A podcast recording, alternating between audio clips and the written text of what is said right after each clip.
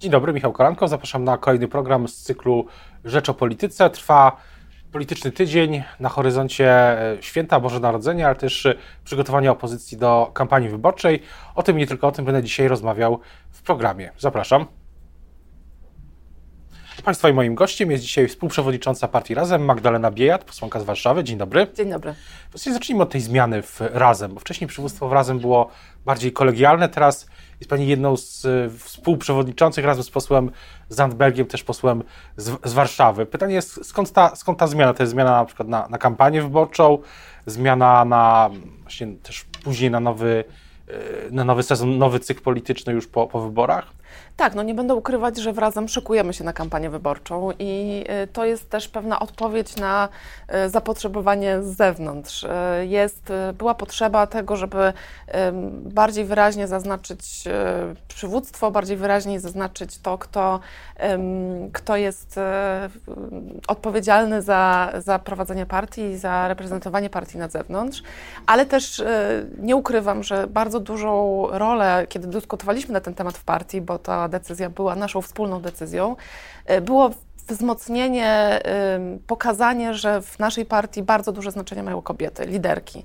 E, I, I, stąd to współprzewodniczenie z parytetem e, właśnie kobieta i mężczyzna, bo chcemy podkreślić to, co w partii Razem dzieje się od samego początku, że kobiety są ogromnym, ogromnie ważną częścią partii Razem i ta część jest jakby nawet, gdyby spojrzeć na, też procentowo na, na to, ile jest liderów, ile liderek, to powiedziałabym, że więcej kobiet e, pełni takie funkcje Niedawno ktoś, pos, niedawno ktoś postawił taką tezę, chyba redaktor Szczęśniak z Okopres, że to ta zmiana oznacza koniec, że to jest koniec trzech tenorów lewicy. Pani się pod tym podpisuje? E, no, myślę, że, y, że to jest na pewno wzmocnienie tego właśnie kobiecego głosu, który jest obecny i w Razem, i w klubie Lewicy. E, jest nas bardzo dużo wspaniałych kobiet. Teraz najgłośniej pewnie jest o Katarzynie Kotuli, która walczy z, z przemocą w sporcie niedawno. Dzisiaj zresztą będzie zeznawała w tej sprawie w prokuraturze i bardzo trzymamy za nią kciuki. Natomiast, natomiast no tak, to jest też element, który na pewno wpłynie na naszą reprezentację jako klubu Lewicy e, i, i ze strony Nowej Lewicy też wiem, że, e, że został przyjęty z dużą satysfakcją i zadowoleniem. Natomiast chciałabym też zaznaczyć, bo chciałabym, żeby to wybrzmiało, że nie rezygnujemy z kolektywnego zarządzania. Będziemy mieć e, zarząd krajowy, w tę sobotę spotyka się nowo wybrana Rada Krajowa Partii Razem, wybierze skład zarządu krajowego i nadal decyzje będziemy podejmować wspólnie. W sobotę to wydarzenia, w niedzielę inne wydarzenie Lewicy, czyli w Łodzi, dobrze pamiętam, kon, tak, tak konwencja, kongres programowy. Na ile to y, wszystko, co się dzieje teraz y, w ramach na Lewicy, czyli i ta trasa, kolejna zbieranie podpisów pod ustawą o rencie wdowiej, czy, czy ten kongres, na ile to jest sygnał, że, że zapadła jakby taka kierunkowa decyzja, że tym bazowym wariantem, nie chcę, bazowym wariantem startu jest start w tym bloku, który już znamy ta decyzja o tym, że lewica pójdzie razem, y, z partia Razem, Nowa Lewica i jakiekolwiek inne środowiska lewicowe, które zechcą do nas dołączyć, zapadła i została zakomunikowana już na wspólnym posiedzeniu naszych rad krajowych ponad miesiąc temu. Y, I, y, I teraz chcemy zaprezentować nasz program, bo zależy nam na tym, żeby w tej kampanii, która się zbliża, ale w ogóle w polityce, mówić o konkretnych propozycjach. Takie, taką dyskusję chcemy zapoczątkować w niedzielę. Będziemy przedstawiać nasz program, wspólny program Klubu Lewicy i naszej koalicji. E, będziemy oczywiście mieć część, w której będziemy e, opowiadać w sposób taki bardziej, e, będziemy występować liderzy i będziemy o tym opowiadać, ale to, co mi się wydaje ważne i to, co już pokazaliśmy na konwencji razem dwa tygodnie temu, to jest też ta konkretna dyskusja o przyszłości. Zapraszamy też ekspertów, zapraszamy przedstawicieli młodych ludzi.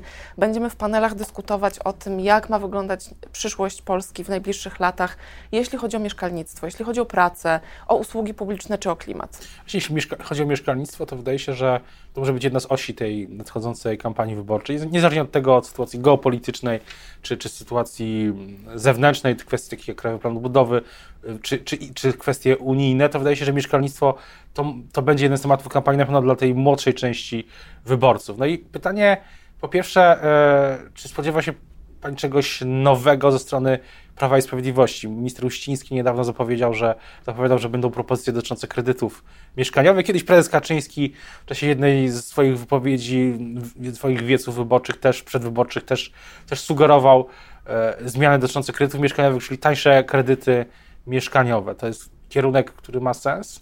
Kompletnie nie ma sensu i bardzo chętnie wyjaśnię, dlaczego tak uważam. To znaczy, zaczynając od tego, że dla nas e, mieszkania, dla nas na lewicy zawsze były ważne. Myśmy już e, zadbali o to, żeby do Krajowego Planu Odbudowy wpisać pieniądze na budowę mieszkań na wynajem. E, I, i dzisiaj widać, że mieliśmy rację. I, i Problematyczne jest to, że zarówno PiS, jak i niestety też e, Platforma Obywatelska, jedyny pomysł, jaki prezentują, to jest zmuszanie ludzi do brania kredytów. I oczywiście te osoby, które na to stać, które chcą kupić własne mieszkanie, powinny mieć taką możliwość. Stąd też nasza propozycja y, z reformy i zamrożenia wskaźnika WIBOR, który jest po prostu w sposób absurdalny, zawyża raty kredytów, ale Dzisiaj mamy taki problem, że rośnie grupa ludzi, którzy są zbyt ubodzy, żeby ten kredyt wziąć, a mają zbyt, mało, zbyt dużo pieniędzy, żeby, za, e, żeby dostać możliwość e, uzyskać mieszkanie komunalne czy socjalne. Które, zresztą tych mieszkań komunalnych i socjalnych po prostu brakuje, nawet gdyby podnieść te widełki. Dzisiaj potrzebujemy budowy od zaraz, natychmiast mieszkań na wynajem o stałym regulowanym czynszu, niskim czynszu wysokiej jakości. Z, dru z, drugiej strony, wejdę Pani słowo, jest pytanie, czy Lewica, może w niedzielę, czy w czasie tej kampanii, bo ta kampania oczywiście w jakimś sensie i też trwa, będzie trwała jeszcze do, do października przyszłego roku, y, ma pomysł, żeby jakoś zmienić, zmienić wizerunek samego wynajmu mieszkań, bo jest takie, jest to, były badania, które pokazywały, że, mm, że wynajem jest traktowany inaczej niż na Zachodzie, e, jako coś e, przejściowego. E, inaczej niż przykład nie wiem, w Republice Federalnej czy w Austrii, jako coś przejściowego, co jest tylko elementem dojścia do własności. Wydaje się, że żeby te, ten pomysł mieszkań na wynajem zagrał wyborczo też, to inaczej musi być traktowany sam wynajem. Tak, mówiliśmy już o tym e, chyba pół roku temu, e, czy nawet trochę więcej w czasie naszej konwencji mieszkaniowej, e, bo pokutują różne mity dotyczące tego wynajmu. Jeden jest też taki, że to będą mieszkania kiepskiej jakości. E, I tutaj e, zrobiliśmy konwencję na terenie budowy już prawie zakończonego osiedla, budowanego właśnie na wynajem z publicznych środków e, we Włocławku i te mieszkania były tak dobrej jakości, że nam nie wierzono, wierzono, że są budowane za publiczne pieniądze i na wynajem właśnie. Y, a to jest możliwe i to się już w Polsce dzieje, potrafimy to robić, tylko potrzebujemy więcej pieniędzy i więcej determinacji, żeby to się działo wszędzie, a nie tylko w wybranych Ale gminach. Zmiana takiego, powiedzmy, mitu czy paradygmatu wymaga czegoś więcej niż tylko jedna, jedna konwencja. Oczywiście, dlatego mówimy zapamiętali, o tym... Zapamiętaliśmy ze względu na, na taką, ten enturaż. Tak, tak. Natomiast y, mówimy o tym też i będziemy o tym mówić. To jest y, leitmotiv w ogóle naszych programów i Partii Razem i Nowej Lewicy, y, że to też pozwala na większą elastyczność. To znaczy, kiedy żyjemy przez cały nasz cykl życia, nasze potrzeby mieszkaniowe się zmieniają. Inne potrzeby są singla, czy młody, na rynku pracy, czy studenta. Inne rodziny, która się poszerza, która planuje na przykład mieć dzieci. Inne wreszcie seniorów, którzy, którzy znowu jakby którym znowu się liczba osób w mieszkaniu zmniejsza. Y, te, y, te zmieniające się potrzeby można dużo łatwiej y, adresować wtedy, kiedy mamy dużą paletę możliwości. Wtedy, kiedy można nie tylko mieć do wyboru albo wynajmy na, na wolnym rynku, gdzie jak wiemy też sytuacja jest bardzo trudna i te czynsze coraz bardziej rosną, albo muszę coś kupić, sprzedać, znowu kupić. Tutaj mówimy bardzo, bardzo jasno macie możliwość Państwo wybrać. Jeśli potrzebujecie większego mieszkania, możecie zdecydować, że chcecie mieszkać w większym i wynająć coś większego za niskie pieniądze.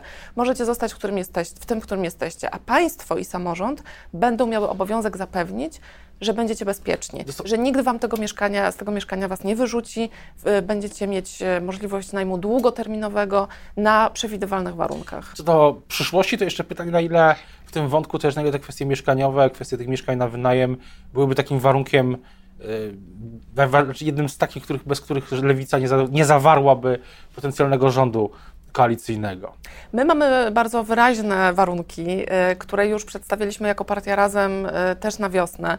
I mieszkalnictwo jest jednym z nich zdecydowanie. Naszym warunkiem głównym jest to, żeby uczynić z Polski kraj na poziomie europejskim wreszcie. Przestać opowiadać na, o tym, że jesteśmy krajem na dorobku, że nas nie stać na to czy na tamto. Stać nas na to i jest to w naszym interesie, żeby te wszystkie rzeczy, o których mówimy, poprawiać. Kwestia mieszkań oczywiście, kwestia transportu publicznego. Dzisiaj widzimy bardzo wyraźnie, że przy rosnących cenach benzyny ludzie powinni mieć wybór. Nie może być tak, że jesteśmy skazani tylko i wyłącznie na samochód, żeby dojechać do większej miejscowości, do lekarza czy do pracy.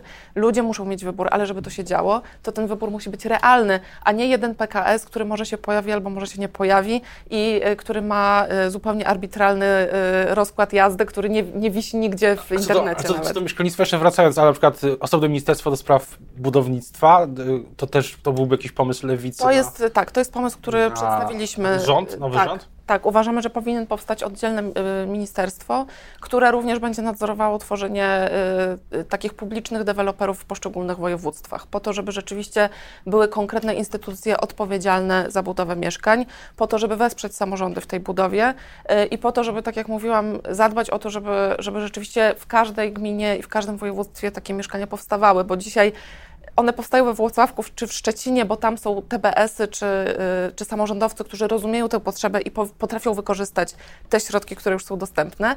No ale to nie może być tak, że Warszawa na przykład y, takich, y, takiej możliwości nie ma, bo tutaj samorządowcy o to nie zadbali. Widzi Pani kompatybilność z programami innych partii, czy z deklaracjami innych partii, Hołowni, PSL-u czy, czy Platformy? Dzisiaj y, wszystkie partie mówią o tym, że te mieszkania są ważne, y, ale y, nie chwaląc się, no może trochę się chwaląc, y, tylko Lewica przedstawia konkretny projekt, konkretne propozycje. Więc dlatego jestem pełna optymizmu. Uważam, że w momencie, kiedy przychodzimy z konkretnymi propozycjami, kładziemy je na stole, mówimy, to jest ta opcja, to jest ten sposób, w jaki należy to robić, to, to jest duża szansa, że to zostanie przyjęte, bo po prostu kontrpropozycji nie ma. Ale taka dygresja, mówiła Pani, że czas skończyć z tym, że, z mówieniem, z tym, z tym, że Polska jest takim krajem na dorobku, a czas mówić inaczej. Ale czasami mam takie wrażenie, i to taka uwaga zupełnie, y, taka dygresja, że czasami też politycy obozu rządzącego też tak, tak mówią, że już tak. nie jesteśmy krajem, wstaliśmy, może nie chodzi o to, że wstaliśmy z kolan, ale że, że dogonimy Niemcy, dogonimy Zachód, będziemy, kiedyś premier Morawiecki w wywiadzie dla, dla Rzeczpospolitej powiedział, że, że że ten projekt to jest y, święty, to jest coś w stylu, to są europejskie płace, europejski poziom, poziom życia, tylko PiS oczywiście ma, ma swój, y, swój paradygmat. Ale to jest jakaś, ale y, to będzie dyskusja też w kampanii wyborczej, jak, jak Polska mm, wygląda, czy jak się powinna rozwijać jako państwo już nie na dorobku, ale właśnie takie silniejsze. Mam nadzieję, że o tym będziemy dyskutować, bo to się po prostu należy też wyborcom. Po prostu dyskusja o tym, jak chcemy tę Polskę układać. E, ja bardzo bym chciała, żebyśmy nie dyskutowali o sobie nawzajem, o politykach i o tym, kto z kim się kłóci i kto komu znowu podstawił nogę, tylko żebyśmy przez, w, tę, w tej kampanii rozmawiali właśnie o konkretach, e, o tym, co jest ważne dla Polaków. A Polacy mówią wyraźnie, i to wychodzi i w sondażach, i na kolejnych spotkaniach, czy, e, czy, czy na wiecach, że ich interesuje drożyzna, interesują ich mieszkania, interesują ich usługi publiczne. Te, to chcą od nas usłyszeć i o to się powinniśmy spierać, bo to jest właśnie solą demokracji. Spór o konkrety, spór o to, jak ustawiać kraj i jaką wizję tego kraju chcemy realizować. Co do, co do wizji, no dzisiaj też jest y, taka pierwsza debata, spotkanie różnych środowisk warszawskiej, szeroko pojętej lewicy.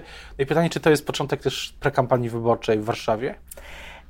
Na razie y, do kampanii y, warszawskiej, do kampanii samorządowej jest dużo czasu, ale y, chcemy to jest rzeczywiście debata, którą początkujemy cykl debat w Warszawie. Debaty, ta debata będzie, odbędzie się dzisiaj z udziałem radnego dzielnicowego Nowej Lewicy, Mariusza Borowskiego i z udziałem lidera Miasto jest Nasze, Jana Mencfela, bo chcemy rozmawiać o tym, właśnie jak inaczej można organizować miasto. Chcemy pokazać inną wizję y, i uważamy, że taka dyskusja jest potrzebna, bo dzisiaj y, jest wiele rzeczy, które w Warszawie idą źle i które mogłyby się dziać lepiej. Chcemy pokazać, e, zacząć dyskusję też z mieszkańcami, to jest otwarta debata, na temat tego, e, co ich boli, co zorganizować lepiej, a nie ma co ukrywać, że i e, lewicy, i ruchom miejskim w mieście jest po prostu po drodze. Podobnie postrzegamy priorytety, zgadzamy się do tego, że miasto powinno dbać o mieszkańców, wszystkich e, poprzez właśnie,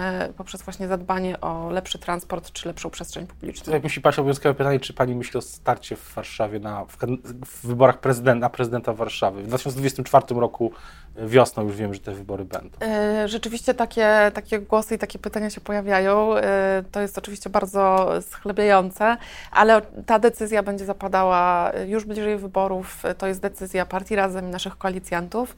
E, ja oczywiście jestem do dyspozycji. Czyli po wyborach do Sejmu. No tak, na pewno po wyborach do Sejmu. A co do, co do tej starcia o Warszawę, to też można, można wysnuć taki wniosek po wynikach z poprzednich wyborów, które były dawno temu, tak cała epoka w zasadzie minęła od 2018 roku, że wtedy, wtedy, wtedy ten duopol się e, bardzo zamanifestował w Warszawie, duopol PO-PiS e, i nikt spoza tego duopolu wtedy nie, nie nawiązał rywalizacji, mimo różnych prób rywalizacji z, z Patrykiem Jakim wtedy i Rafałem Trzaskowskim, więc trochę chyba, czy to nie jest tak, że właśnie kandydowanie, czy start w Warszawie, czy w ogóle kampanie wyborcze w Warszawie są po prostu trochę skazane na niepowodzenie? No na pewno w Warszawie rzeczywiście y, chyba najbardziej ze wszystkich miast, dużych miast, y, przebija się ta kampania, ta polityka krajowa ale to też nie jest tak, że ona absolutnie dominuje. W Warszawie te wybory y, są, y, odbywają się na wielu poziomach, odbywają się również na poziomie dzielnic. Y, I na poziomie dzielnic one są już dużo mniej o polityce krajowej, a dużo bardziej o tym, co nas boli, co nam przeszkadza, czego byśmy chcieli w naszej najbliższej okolicy. I myśmy w kampanii w 2018 roku y, robili kampanię door to door, chodziliśmy od drzwi do drzwi, rozmawialiśmy z mieszkańcami. Y, to jest ten rodzaj pracy, którą ja najbardziej lubię w polityce. Rozmowa z ludźmi i spotykanie się z nimi bezpośrednio. Y, I, i będziemy to robić na pewno w 2023 roku. I myślę, że jest naprawdę wiele do, wiele do zyskania, y, bo będziemy szli z bardzo pozytywnym programem. Ten duopol, mam wrażenie, też się kruszy i, y, i cieszę się, że możemy mieć do tego tutaj coś do powiedzenia, bo to nawet nie chodzi o to, czy ja, y, czy ja lubię tę czy inną partię, tylko w sytuacji duopolu zagania się nas do, do dwóch obozów i to nie jest dobre dla demokracji. Tak jak mówiłam wcześniej, i na poziomie lokalnym, i na poziomie krajowym dla demokracji dobry jest pluralizm. Dobry jest wtedy, kiedy ścierają się różne poglądy i z, tych, z tego ścierania się różnych poglądów może wyjść jakaś wizja Polski, która jest konstruktywna. Wracając jeszcze do, do tej wizji, do tej kampanii wyborczej, która w zasadzie już trwa od, od wielu, wielu miesięcy, na ile, mm, co jeszcze może być osią kampanii poza sprawami mieszkaniowymi? Bo jeszcze jest kwestia oczywiście geopolityki czy wpływu wojny na, na sytuację samej gospodarki. No i tego mm, takiego poczucia, mm, tego co się też y, nazywa też też w jakimś sensie starciem o, o kształt demokracji, tak? Wydaje się, że PiS, PiS ma swoją, swoją, swoje podejście, partie opozycyjne mają, mają swoje, ale pytanie, co, co jeszcze może być osią kampanii, o czym dzisiaj się może mniej, y, mniej mówi? Moim zdaniem y, na pewno ważnym tematem kampanii będzie kwestia energetyki i, y, i nie tylko rozumianej jako nasze bezpieczeństwo geopolityczne i to, jak uzależniamy się od paliw kopalnych przychodzących takich krajów jak Rosja, z krajów rządzonych przez y, rządy autorytarne, ale też y, o tym, w jaki sposób zadbać o bezpieczeństwo Y, no, takie bytowe y, ludzi. Ja wczoraj byłam na debacie zorganizowanej przez Fundację Stocznia y, razem z Maciejem Koniecznym na temat ubóstwa energetycznego. Byli przedstawiciele wszystkich chyba formacji parlamentarnych i wysłuchiwaliśmy efektów debaty takiej narady obywatelskiej, która się odbywała przez kilka miesięcy w tym roku.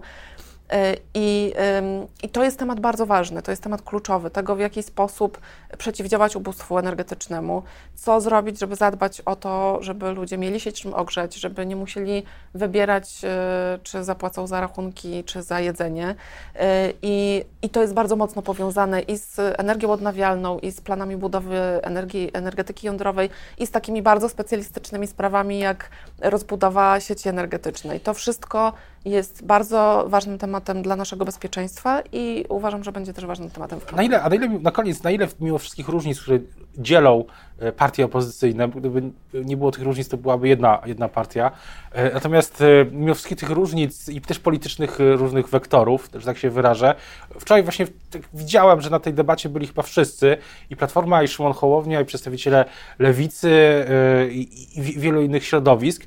Na ile, na ile te zróżnicowane partie powinny Pani zdaniem do wyborów przedstawić jakiś konkretny konkretny plan i na ile konkretny? Na przykład, czy to powinien być też plan personalny, w sensie może strukturalno-personalny, na przykład Hołownia, Zielony Wicepremier, posłanka Bieja coś, posłanka Matysiak coś i tak dalej, tylko czy to powinien być bardziej tak ogólny plan, albo w ogóle e, czy, czy, czy, to jest jakiś warunek też niezbędny, żeby opozycja przekonała wyborców, którzy nie są e, pewni, czy, czy opozycja się dogada po prostu po wyborach już? E, ja myślę, że o personaliach powinniśmy rozmawiać po wyborach, kiedy będzie wiadomo, e, kogo, na kogo wyborcy postawili, kogo chcą widzieć w rządzie. A, a sama struktura rządu, właśnie no, te nowe, no bo ten rząd dzisiaj, który rząd po siedmiu latach, po ośmiu latach rządów PiSy, tam było chyba z dziesięć różnych rekonfiguracji, więc pytanie, czy opozycja powinna przedstawić jakąś strukturę, nie wiem, zmniejszyć ten rząd, zwiększyć jeszcze bardziej,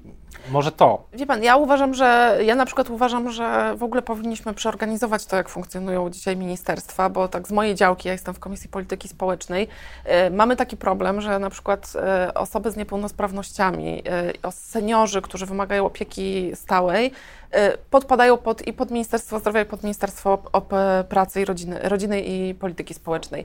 W związku z czym nagle się okazuje, że są dwa ministerstwa, które bardzo często nie widzą siebie nawzajem, które są odpowiedzialne za dobrostan osób starszych i osób z niepełnosprawnościami. To jest sytuacja absurdalna i uważam, że powinniśmy przestać patrzeć tak y, bardzo mm, wycinkowo na rzeczywistość w organizacji kiedyś, rządu. Kiedyś premier Morawiecki miał taki pomysł, żeby przełamywać tą silosowość, ale to było przed... Tak. To było chyba w 2000, to było modne w latach 2018 2019 to było zanim, to było zanim trzeba było obsadzić swoich y, przed, Nie, to było, przed, to było przed, przed pandemią. Później Później e, wydaje się, że, że gdzieś ten pomysł zanikł. Ale wracając jeszcze do tej ale, do więc, opozycji. Ale wydaje mi się, że to są bardziej, że bardziej powinniśmy o tym dyskutować. To znaczy o tym, co zrobić, żeby państwo działało sprawniej, a nie o tym, kto konkretnie powinien które stanowiska przyjąć. Szymon Hołownia mówi taka, Natomiast... żeby, żeby taką checklistę opozycji zrobić, taką nie jedną listę, tylko jedną checklistę takich zadań. To, to coś partia razem by się pod, tym, pod jakimiś takimi rzeczami podpisała? Myślę, że taka checklista już powstaje, to znaczy yy, no, na niej na pewno są mieszkania właśnie, na niej na pewno jest kwestia yy, energii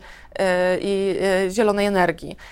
I tutaj wszyscy się zgadzamy co do tego, co powinno zostać zrobione i że powinno to zostać zrobione jak najszybciej. Na niej znajduje się również kwestia naprawy sytuacji w sądownictwie i przedstawiliśmy też wspólnie propozycję zmian w regulaminie Sejmu po to, żeby ta demokracja, ta transparentność w Sejmie była większa. To są rzeczy, które już się dzieją i one się, e, i one, i prezentujemy je bardzo często wspólnie albo równolegle zgadzając się ze sobą. Tak było zresztą wczoraj, jak Pan słusznie zauważył. Wszyscy żeśmy się ze sobą zgodzili. Są takie punkty, w których się zgadzamy, są takie punkty, o których wiemy, że w przyszłym rządzie będziemy je realizować. Tym, o tym, jak będzie wyglądała ta kampania, to będziemy jeszcze mówić e, wielokrotnie. Teraz bardzo już e, dziękuję za rozmowę Państwa i moim gościem dzisiaj była współprzewodnicząca Partii Razem, posłanka z Warszawy Magdalena Biejat. Dziękuję bardzo. Dziękuję, do widzenia.